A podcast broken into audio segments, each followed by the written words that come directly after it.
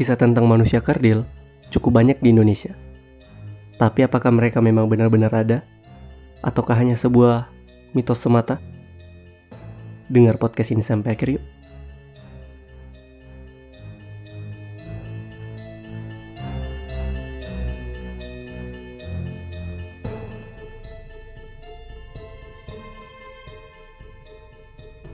Kembali lagi di podcast Misteri Malam Minggu bersama saya Melki yang tetap setia menemani malam minggu Anda dengan sajian cerita dan pembahasan seputar misteri dan konspirasi.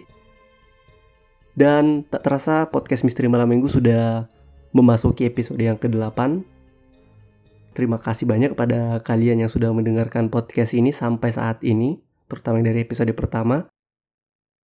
Dan saya mendoakan kepada kalian dan kita semua supaya kita tetap sehat, terutama di masa pandemi ini di mana beberapa waktu terakhir jumlah yang positif cukup banyak ini sebenarnya agak meresahkan ya. Tapi saya harap kita bisa tetap menjaga kesehatan, terutama kalau kita keluar kita mengikuti protokol kesehatan, menggunakan masker ke mana saja kita pergi, sehingga kita bisa tetap sehat gitu.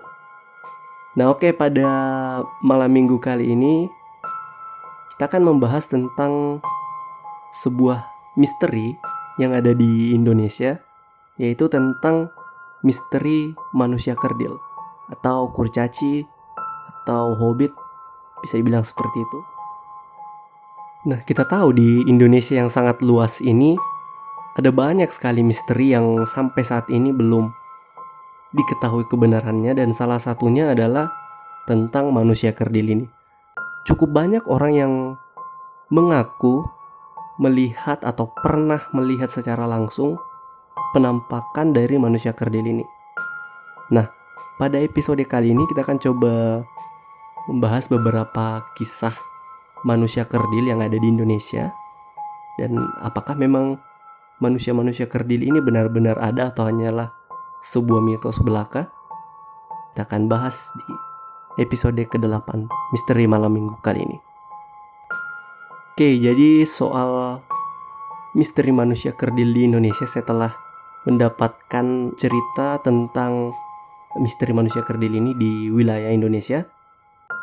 Nah, salah satunya kita akan bahas yang pertama yaitu yang cukup terkenal dan kalau nggak salah sempat viral di tahun 2000 17 lalu sebuah video di mana ada beberapa pengendara motor yang melintasi hutan merekam penampakan sesosok uh, manusia namun dengan ukuran tubuh yang kecil gitu.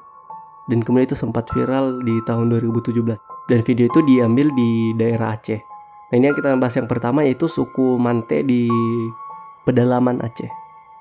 Nah, suku Mante ini keberadaannya sebenarnya sampai saat ini masih merupakan sebuah misteri karena belum ada bukti secara ilmiah akan keberadaan mereka.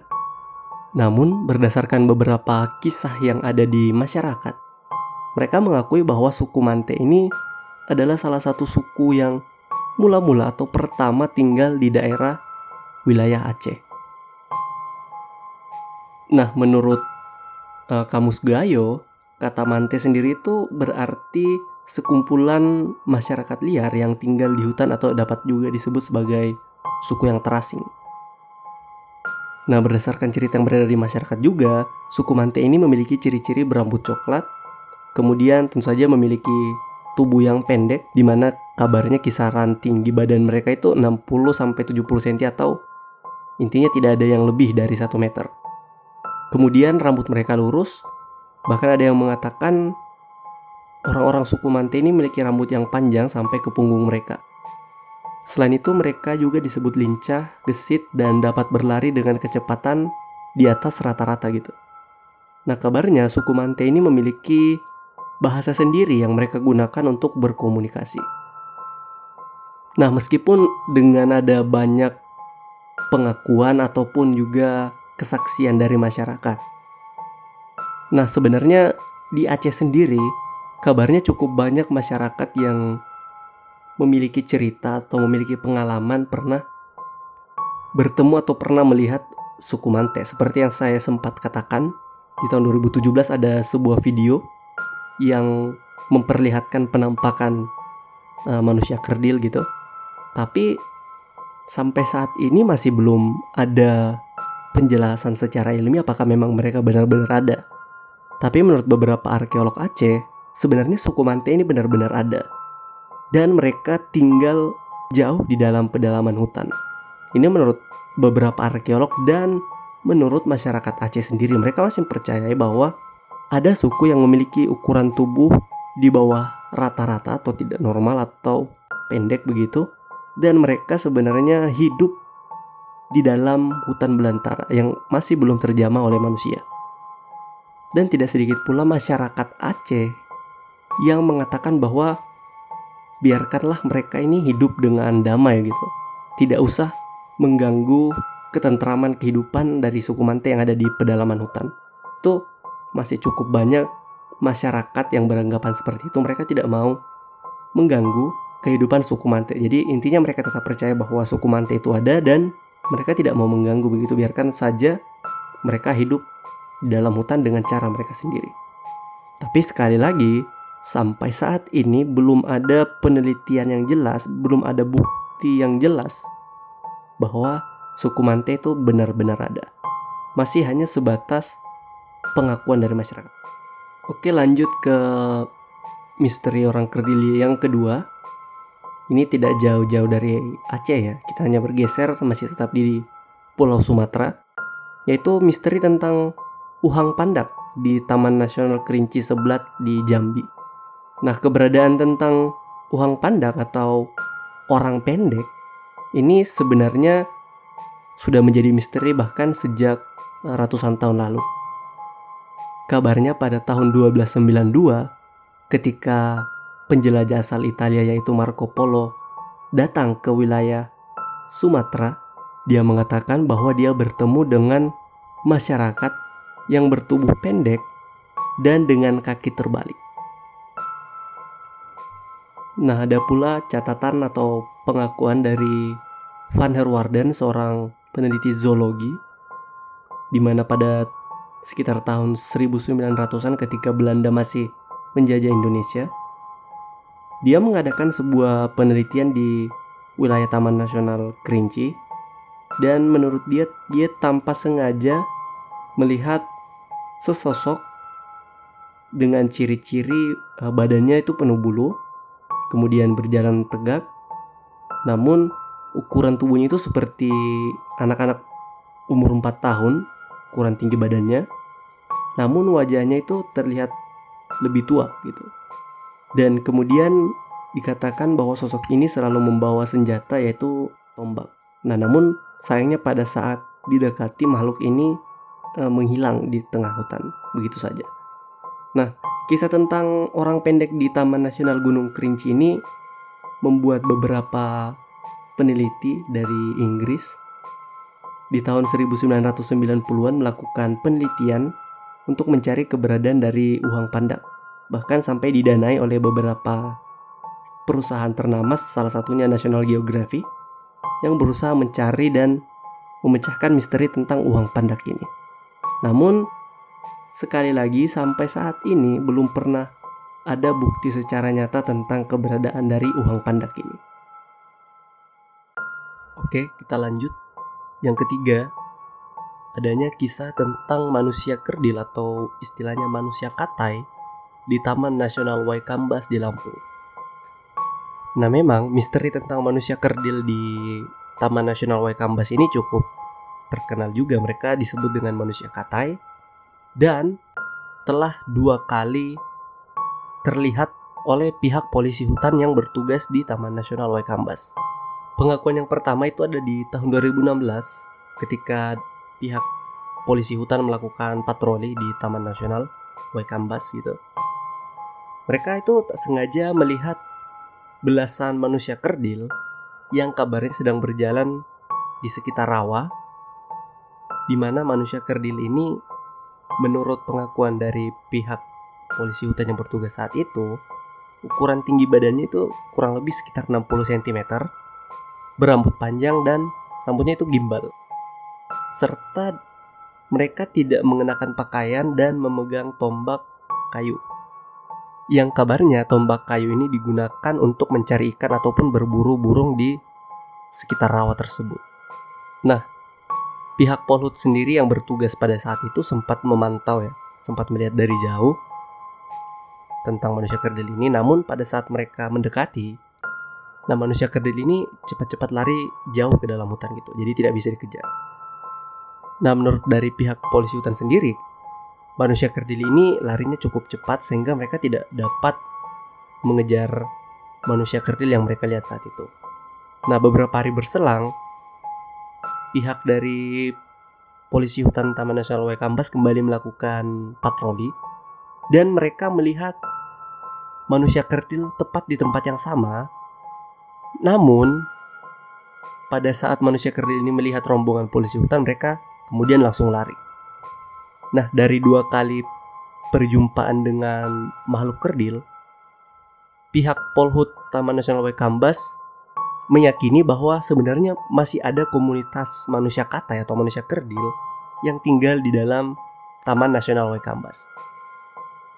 Nah, kabarnya pihak Taman Nasional Waikambas saat ini memasang beberapa kamera tersembunyi dengan tujuan untuk merekam dan membuktikan keberadaan dari manusia kata ini.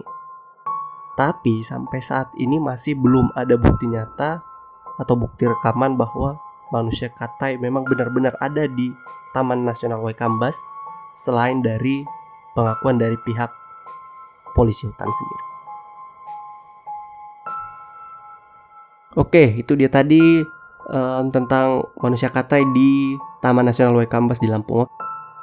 Nah, selanjutnya kita bergeser dari Pulau Sumatera menuju Pulau Jawa di mana ada pengakuan bahwa adanya manusia kerdil di Taman Nasional Meru Betiri di Banyuwangi.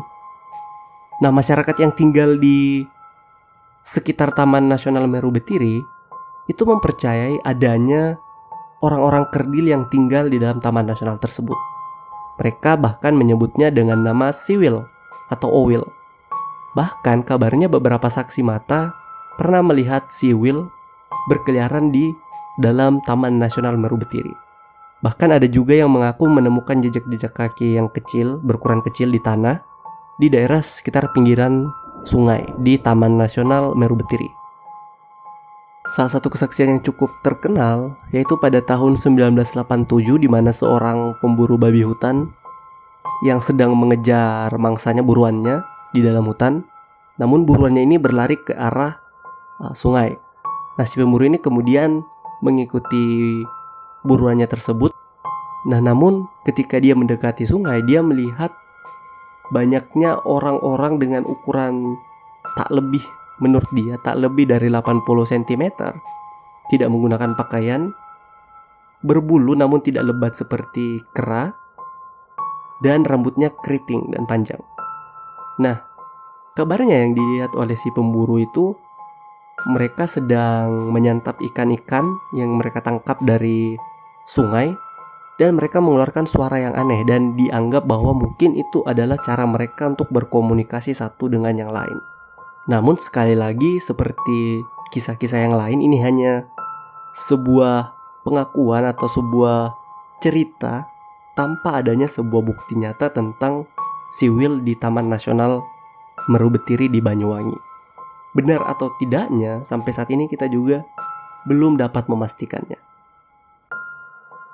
Nah, kisah tentang manusia kerdil yang selanjutnya datang dari Pulau Sulawesi, yaitu di daerah Bone, di mana penduduk setempat itu meyakini adanya manusia kerdil yang mereka sebut dengan Oni.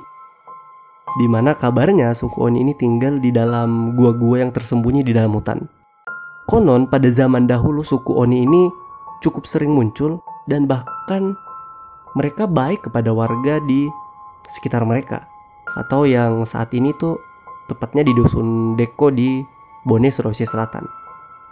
Ketika ada sebuah acara, suku Oni ini dengan senang hati akan meminjamkan uh, perabotan mereka seperti misalnya piring atau apalah gitu untuk kegiatan adat. Tapi kabarnya menurut cerita masyarakat, warga yang dipinjami perabotan ini tidak mau mengembalikan barang-barang yang dipinjam tersebut. Sehingga akhirnya suku Oni ini memilih untuk menghindari warga desa lagi dan tidak mau bertemu secara langsung dengan warga desa. Nah, menurut cerita penduduk desa sekitar yang kabarnya pernah mengunjungi gua tempat suku Oni tinggal, kabarnya suku Oni ini tingginya hanya sekitar 70 cm. Dan beberapa warga juga mengatakan ketika malam mereka melihat suku Oni keluar dari gua membawa obor untuk mengambil air dari mata air terdekat.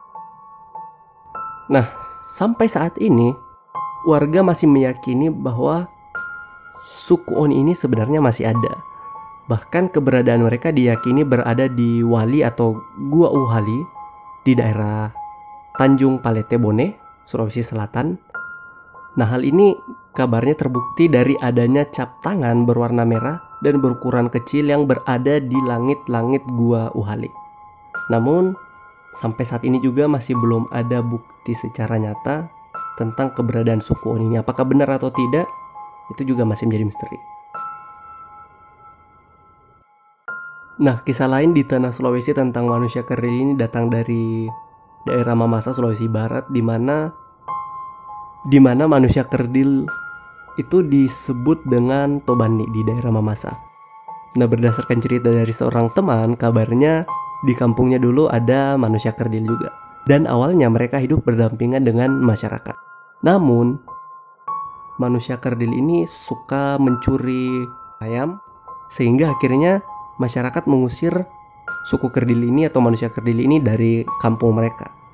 Dan sampai saat ini mereka tidak tahu keberadaannya di mana. Namun sekali lagi itu hanya sebuah cerita yang beredar dari mulut ke mulut di masyarakat tanpa ada bukti yang nyata tentang keberadaan dari Tobani ini. Nah, yang terakhir adalah Homo floresiensis di daerah Liangbua Flores, Nusa Tenggara Timur. Nah, kalau bicara soal penemuan atau bukti secara nyata, sebenarnya di daerah Flores pada tahun 2013 lalu itu ditemukan fosil orang kerdil di sebuah gua di dusun Rimpasasa, Desa Liangbua, Pulau Flores di Nusa Tenggara Timur. Nah, sejumlah fosil yang ditemukan di tahun 2003 ini diperkirakan sudah berusia sekitar 13.000 sampai 94.000 tahun dan para peneliti memberikan nama Homo floresiensis sebagai nama untuk fosil yang ditemukan di daerah Flores ini. Nah, yang menarik sebenarnya bahwa sampai saat ini di daerah Rampasa itu sebenarnya masih dijumpai manusia yang berukuran tubuh sekitar 140 cm. Nah, berdasarkan beberapa penelitian ada yang menganggap bahwa sebenarnya orang-orang di dusun Rampasa ini masih merupakan kerabat dari Homo floresiensis. Namun ada juga yang mengatakan bahwa apa yang terjadi pada orang-orang di dusun Rampasa ini adalah salah satu hasil dari evolusi yang terjadi terhadap masyarakat di pulau tersebut dan tidak ada hubungannya sama sekali dengan Homo floresiensis. Nah, menurut peneliti senior lembaga Ejikman Herawati Sudoyo, ini dilansir dari laman Tempo, dia mengatakan bahwa manusia pygmy atau orang-orang di desa Rampasa ini yang ukuran tingginya hanya rata-rata 148 cm itu terjadi karena adaptasi dengan lingkungan dan bukan terkait dengan manusia purba Homo floresiensis. Nah, dia mengatakan bahwa evolusi yang terjadi pada orang-orang di pulau tersebut itu karena mereka terisolasi di pulau itu dan karena terbatasnya sumber daya makanan sehingga secara perlahan tubuh mereka itu berusaha mengecil untuk menyesuaikan dengan asupan makanan yang mereka dapatkan. Nah itu berdasarkan peneliti senior lembaga Ejikman Herawati Sudoyo. Namun sampai saat ini masih cukup banyak yang meyakini bahwa orang-orang di daerah Rampasa itu sebenarnya masih ada hubungannya dengan Homo floresiensis. Namun sampai saat ini masih belum ada kejelasan lebih lanjut tentang fosil yang ditemukan, fosil dari Homo floresiensis ini.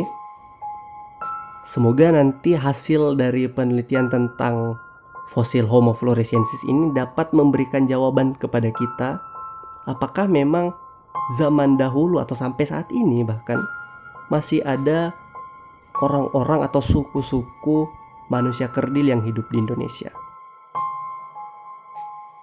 Nah, itu dia tadi beberapa kisah mitos tentang manusia kerdil di beberapa daerah di Indonesia.